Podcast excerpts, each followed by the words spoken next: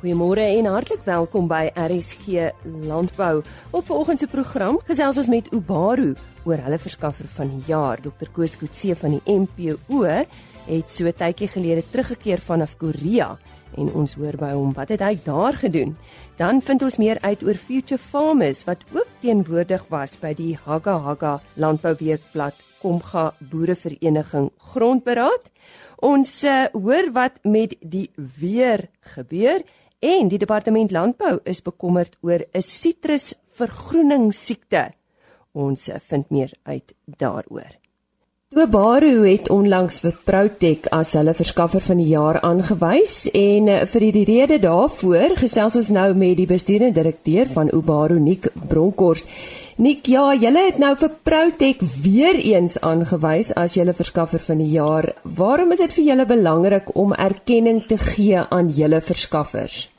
Um, ons uh, verskaffers is deel van ons familie en, en dis deel van ons strategie om om om ons droom te verwesenlik. So ons wil die boere besigheid op elke plaas wees en, en ons wil elke moontlike produk wat het wat ons aan kan bied.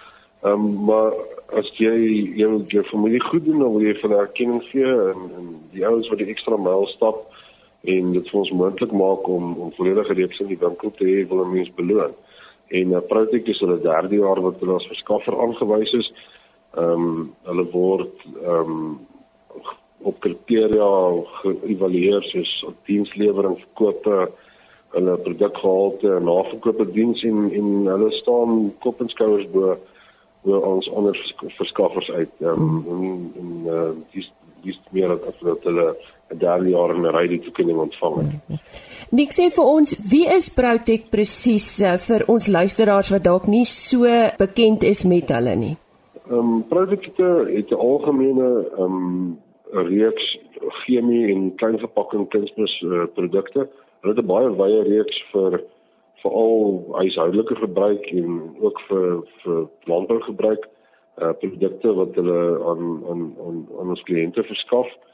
Ehm um, so ja, dis prakties prakties 'n baie volledige reeks. So hulle hulle lewer eintlik produkte vir soos ek gesê het vir huishoudelike gebruik ehm um, en uh, van wanneer af is hierdie kompetisie al deel van julle?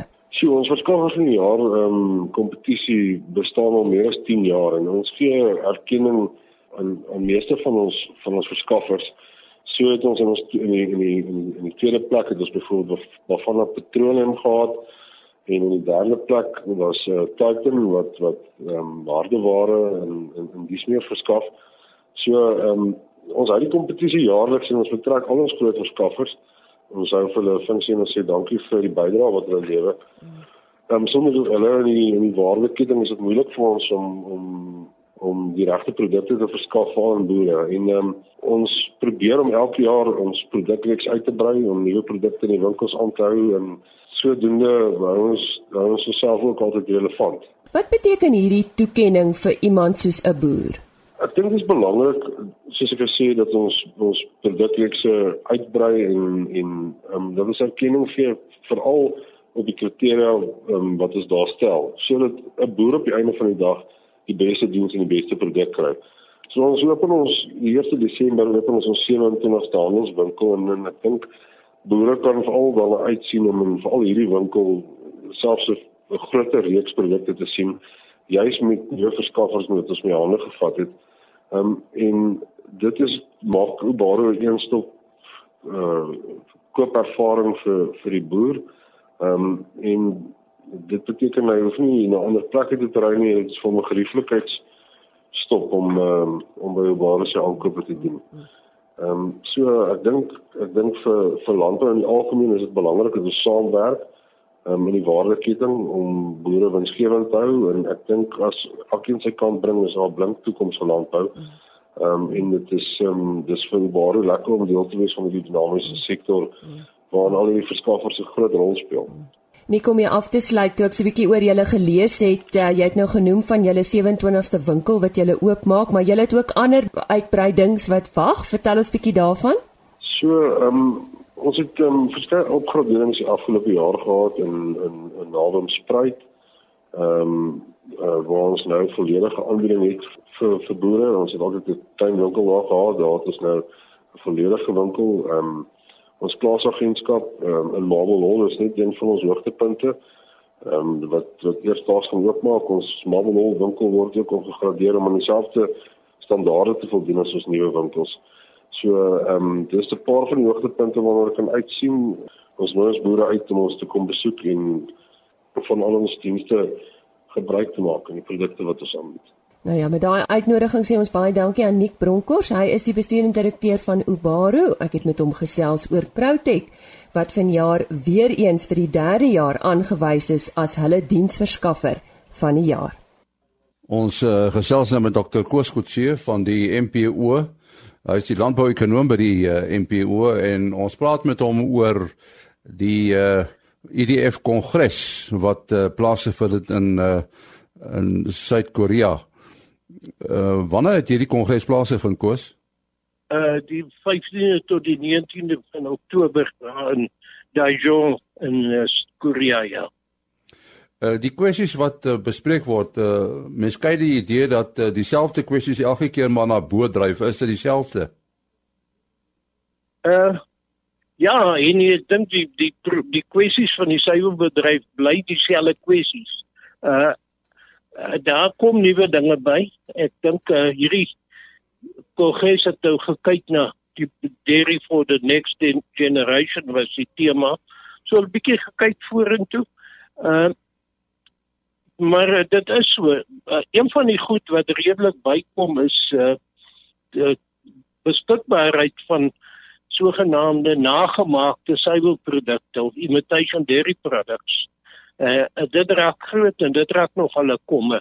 En dan ook ek dink die ander ding wat belangrik was is waar waar ek nou by die boerderykant betrokke was is dat daar baie duidelik ander aspekte as net bloot die hoeveelheid koolstof metaangas wat die koeie uitasem uh, van belang is. Jy weet een van die goed wat beklemtoon is daar is dat om net onthou 'n koei gebruik 'n klomp plantmateriaal wat nie vir 'n mens uh, beskikbaar is nie. So jy kan nie sê uh beeste is ondoeltreffende proteïenomsetters nie want hulle gebruik goed wat 'n mens nie kan eet nie. So die tipe dinge en dan die belangrikheid van die regte manier van hierdie koolstofvoetspoor te te bepaal het ook nogal heel baie klem gekry.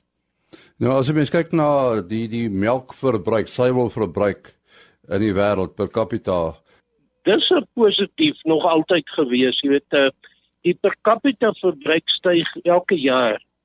En daarmee saam styg die wêreldbevolking. So as jy in die suiwelbedryf is, dan is jy in 'n groeiende bedryf. Dis 'n bedryf wat groei. En is daar sekere lande waar suiwelverbruik uh, meer is as ander? ja, die verbruik uh, van uh, oorsaaklik in die ontwikkelende lande groei nog vinnig. Die verbruik in die gevestigde gevestigde nywerheidslande groei stadiger. Uh oor die afgelope jaar of wat het produksie wel bietjie vinniger as verbruik gegroei. En en hoe uh wêreldwyd, hoe prysensitief is uh suiwelprodukte? Weet jy op die internasionaal op die op die ek wil amper sê op die vervaardigingsvlak is pryse baie baie volatiel. Uh, ek dink eintlik as jy kyk na landbou in die geheel is suiwel dalk waarskynlik of die mees volatiele of die tweede meeste volatiele van al die pryse. Ehm uh, wanneer jy terugkom na lande toe na kleinhandel toe dan is die prys nie meer so volatiel nie. Uh hy gaan steeds op maar hy kom nie eintlik af nie. Jy het gepraat van die sogenaamde nagemaakte suiwelprodukte wat wat eintlik 'n kommerwekkende situasie is. Uh, wat doen die internasionale suiwelgemeenskap om dit aan te spreek? Weet jy, daar's groot klomp werk gedoen onder andere deur Suid-Afrikaners om uh die feite aan die op die tafel die die punt is die me, die verbruiker se reg om te koop wat hy wil word heeltemal erken. Jy kan nie verbruikers sê hy moet nie nie suiwel wees nie, maar dis net belangrik dat die verbruiker ingelig is. Byvoorbeeld om te weet dat amandelmelk het baie min proteïene in die voedingswaarde is baie laag. En om te weet dat daar is nie so ding soos amandelmelk nie. Jy kan nie vir amandelmelk nie. Jy weet en ook om te weet dat uh, nagemaakte botter bestaan uit plantvette, daar is geen en ook natuurlik dat wat wat op die etiket staan korrek is. So hulle werk redelik nou saam met die FAO met Codex Alimentarius wat die regulasies daar internasionaal koördineer om seker te maak dat die verbruiker ingelig is. Uh daar is 'n redelike sterk ontwikkeling van veganisme, as dit die Afrikaanse woord is. Mense wat geen diereprodukte wil gebruik nie nou. Dis hulle goeie reg, maar hulle moet net ingelig wees oor wat hulle koop. Dit lyk my dit is ook 'n kwessie van bemarking, né? Uh om jou uh om jou produk reg te bemark. Ja. Ja, toevallig sien ek ek uh, in Suid-Afrika is dit ook 'n probleem.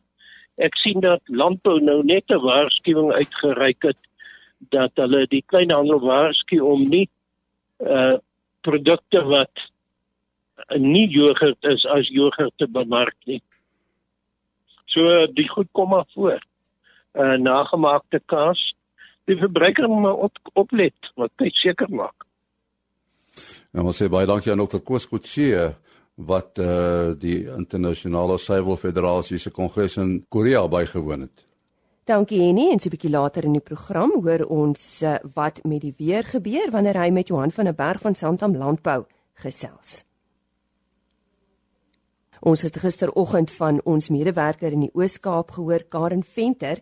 Sy het 'n grondberaad bygewoon daar in Haga Haga waar die Komga Boerevereniging bymekaar gekom het. Sy het ook daar met uh, iemand van Future Farmers gesels. Kom ons luister. Hallo luisteraars, ek kuier vandag 'n bietjie hier in Haga Haga waar die uh, Komga Boerevereniging 'n land summit uh, byeenkoms hou. Hier is omtrent baie mense van verskillende plekke af. Uh een van hulle is Batman Lungelo. Uh hy's uh, van Future Farmers. Uh hallo en dankie dat jy met ons gesels vandag. Um, vertel vir my so 'n bietjie wat maak jy vandag hier?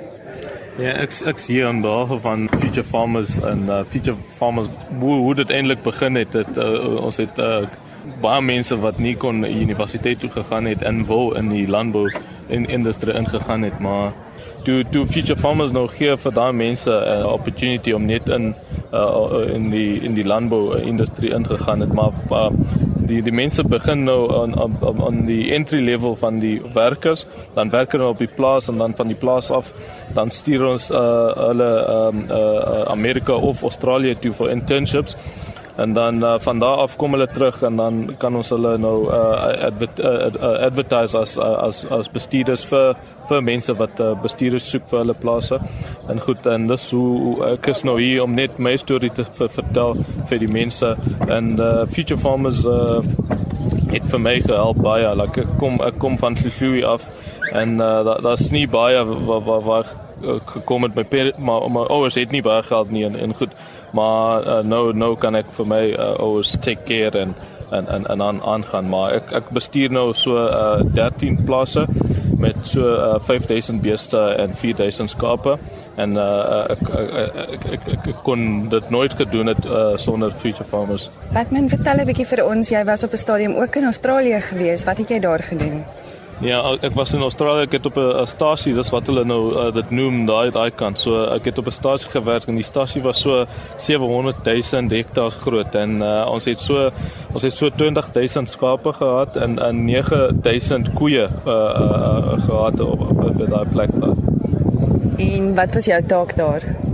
Uh toe ek daar eers gekom het, ek was net 'n station hand, maar uh na 6 maande het hulle my nou promote na uh, supervisor toe en ek het uh, so uh, drie mense wat onder my gewerk het en, en ons het so ons het so uh, 15000 lammers gemerk die jaar dat ek daar was. So dis dis vir my uh, uh, baie so dis uh, dankie.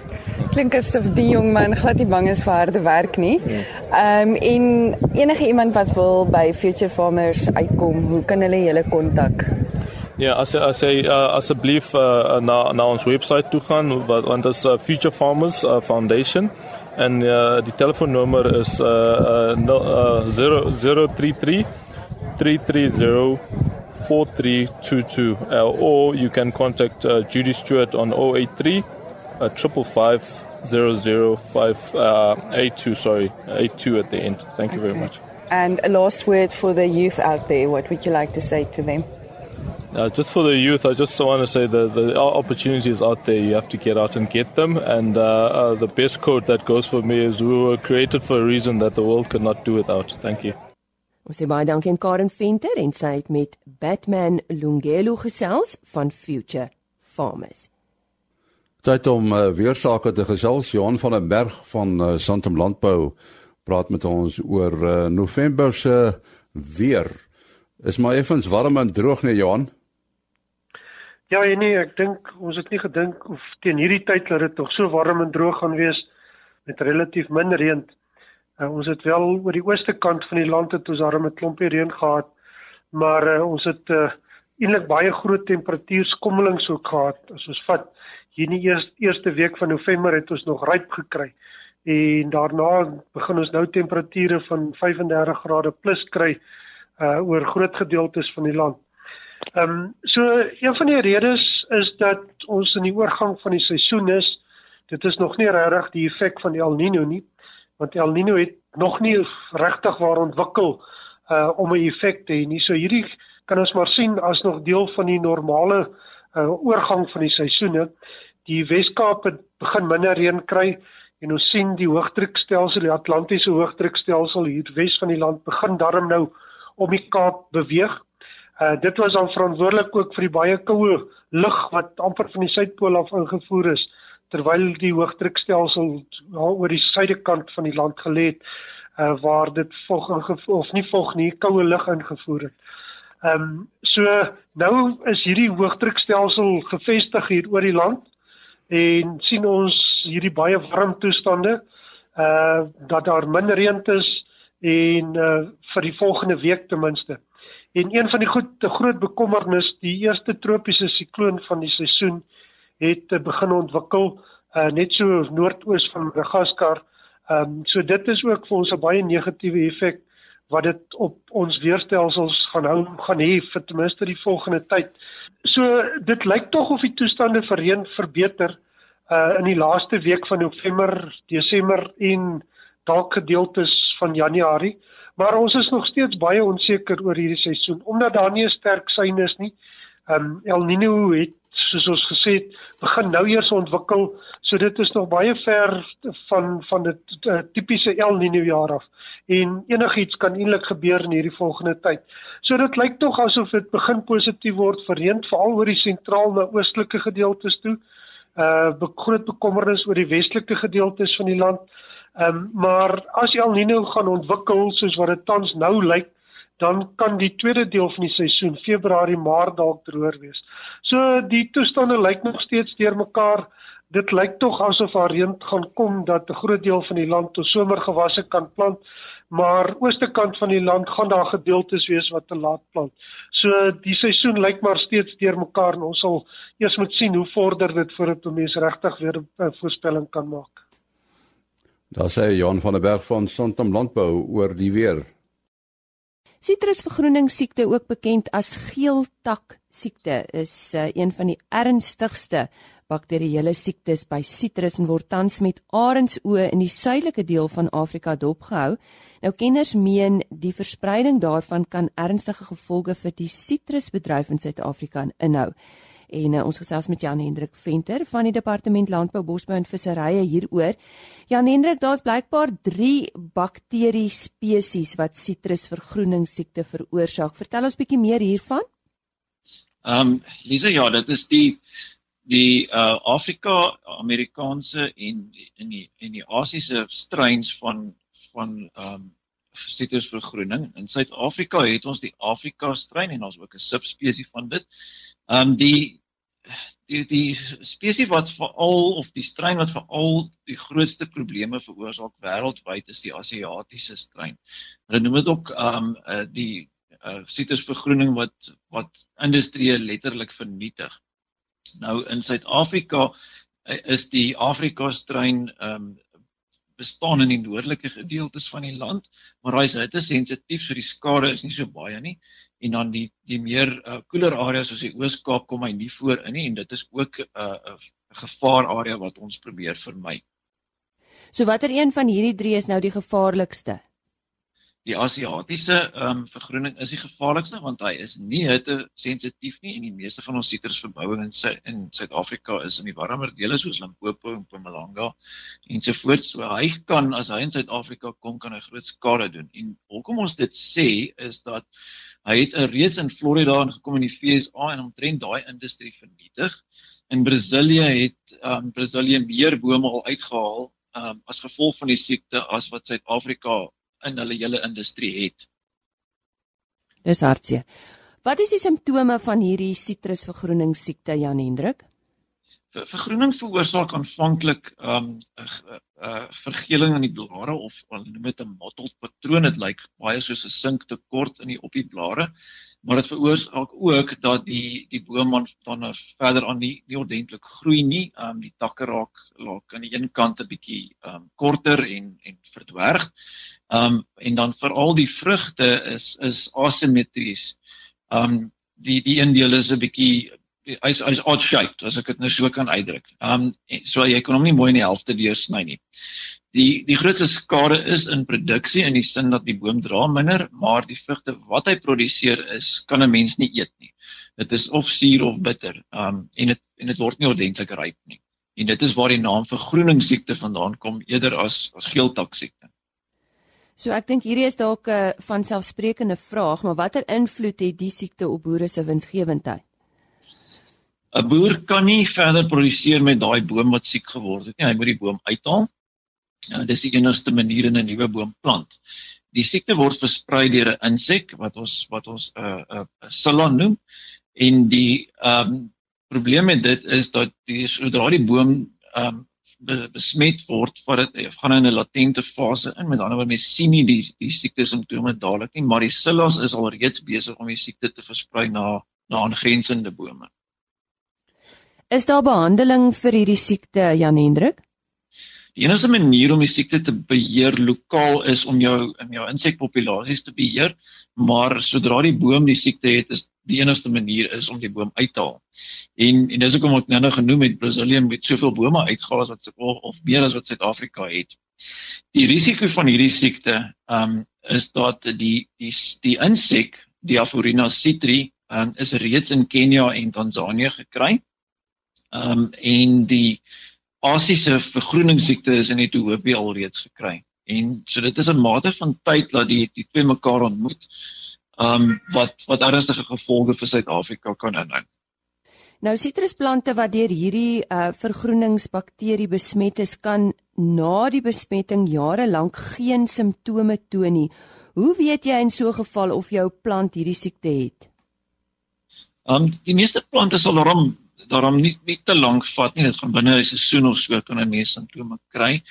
Um maar dit is belangrik dat ons opnames doen uh, as 'n voorkomende maatreel en ons het reeds besig om met die sitrusindustrie te werk aan 'n aksieplan om om om uh, voortdurend opnames te doen so mense met blare bemonster en laat toets. Die dit is ongelukkig uh, 'n uh, baie duur proses so ou moet soveel as moontlik uh, blare vat wat al reeds simptome wys. Anderster ehm um, uh, steek jy hom eintlik in die donker rond en en hoop jy kry iets. Hoe gaan julle nou te werk om te keer dat hierdie Asiatiese spesies na Suid-Afrika toe versprei? Ons moet op twee maniere kyk. Ons kyk na alternatiewe gasheere wat dalk in die die siekte kan bring in die land. So ons verskerp ons invoer vereistes um, met betrekking tot dit. Een so gasheer is is curryblare uh van van Moria spesies. Nou dit is die die vars blare wat wat um, 'n mens gebruik om om curry te maak en dit is al reeds gevind in die FSA byvoorbeeld dat daar baie toeriste bring hierdie blare um, van ander lande waar hulle dit kry in en die blare kan besmet wees met die sillas en die sillas kan uitvlieg na die na sitrusboom toe. As ook mense bring in plante want hulle graag curryblare ehm um, uh, curryboomplante hê om te gebruik in in vars curry. So dis een manier en dan ook die die ehm um, verspreiding van van plantmateriaal deur 'n uh, deur deur die land as ook deur ander plekke word beter beheer. En dan is ons werk ons aan aan 'n bewusmakingsplan en ons het ook nou die aksieplan vir wanneer so iets sal gebeur wat wat om te doen hoe om hoe en hoe om op te tree. Ehm um, die die die beste is van om aan te gaan met met die met die silla opnames as ook die blaarbemonstering en dit moet met met DNS analise moet dit getoets word voortdurend. Ehm um, die en as die die siekte uitbreek moet mense onmiddellik optree en dan so jy gaan 'n 'n 'n 'n verskerpte opnames moet doen in die area waar die siekte voorkom en jy gaan die plante wat besmet is vernietig. Ehm um, en dit gaan natuurlik 'n impak hê op op landbou. So ek dink ons moet afsluit met 'n spesiale boodskap aan reisigers wat dalk besluit hulle gaan nou hierdie uh, komende Kersseisoen reis en dan wil hulle dalk so ietsiekie terugbring. Wat sê julle daarvan?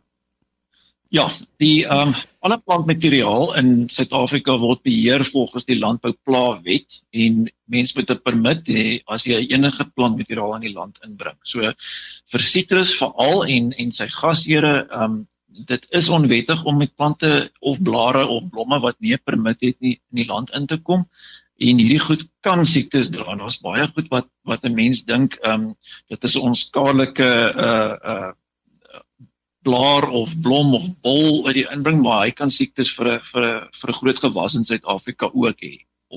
En en dit is ook wat belangrik is om altyd dit eerder nie in te bring. Nou ja, wees versigtig, uh, wees op die uitkyk en ons sê baie dankie aan Jan Hendrik Venter van die Departement Landbou, Bosbou en Visserye en hy het oor die sitrusvergroening siekte gesels. Vir ons groet, u sal onthou dat ek op 'n gereelde basis met Bonnie de Bot gesels het. Die film Stroop wat voltooi is en internasionaal vertoon is, het talle toekenninge ontvang en al hulle verwagtinge oortref. Die premier van die film in Suid-Afrika is op 19 November gewys en jy sal dalk wonder wanneer u die kans sal hê om dit in Suid-Afrika te sien. Nou die volledige onderhoud word volgende week Dinsdag, die 27ste November uitgesaai, maar kom ons hoor waar is kaartjies beskikbaar. Soos jy weet, die laaste 4 jaar het ons ongelooflike ondersteuning van die Suid-Afrikaanse publiek gekry. Uh, en ek moet ook net twee van ons vennote noem, uh, twee agribesighede BKB en Voormal. Hulle was van die begin af uh, by hierdie projek betrokke, geglo in ons en gehelp om hierdie projek van die grond af te kry. Maar met al hierdie ondersteuning en al die internasionale sukses, is dit ironies wil geen plaaslike filmverspreider stroop landwyd in teaters vertoon nie. Hulle sê dit is nie 'n fiksiefilm nie, dit is 'n dokumentêr, so mense gaan nie na die teaters toe kom nie, maar ons voel anders daaroor. Uh so ek en Susan die regisseur het besluit om die koste self te dra. Ons hierdie teaters, uh New Metro help ons, want ons weet die publiek wil hierdie film sien. Hulle moet die film sien en Lisa hulle moet dit op die regte manier sien en dit is op die groot skerm. So ek's baie opgewonde om te deel. Uh ons het 'n uh, vertoning die 25ste November in Pretoria by Menning New, New Metro. Uh en die kaartjies is al reeds beskikbaar en dan het ons ook 'n vertoning by die Waterfront in Kaapstad op die 2de Desember. En uh mense kan kaartjies koop net deur te gaan na die webtuiste toe www.webtickets.co.za of gaan kyk net op ons Facebookblad al die inligting is daar. Ons gaan ook 'n vraag en antwoord sessie met die gehoor hê by elkeen van hierdie vertonings. So ja, ek, ek hoop regtig die publiek kom uit en ondersteun hierdie film. Kom ons wys dat 'n film soos hierdie net so belangrik is en dat mense wil omgee oor wat besig is om met ons erfenis uh, te gebeur want dit is regtig waar op die spel. Dis dan Bonnie de Bot wat vir u vertel het waar en wanneer u die dokumentêr Stroop kan sien. En die volledige onderhoud met haar word volgende week Dinsdag die 27ste November uitgesaai. Onthou, ons is môreoggend net so skuins na 05:30 weer terug. Totsiens. RSC Landbou is 'n produksie van Plaas Media. Produksieregisseur Henny Maas. Aanbieding Lisa Roberts en inhoudskoördineerder Jolandi Root.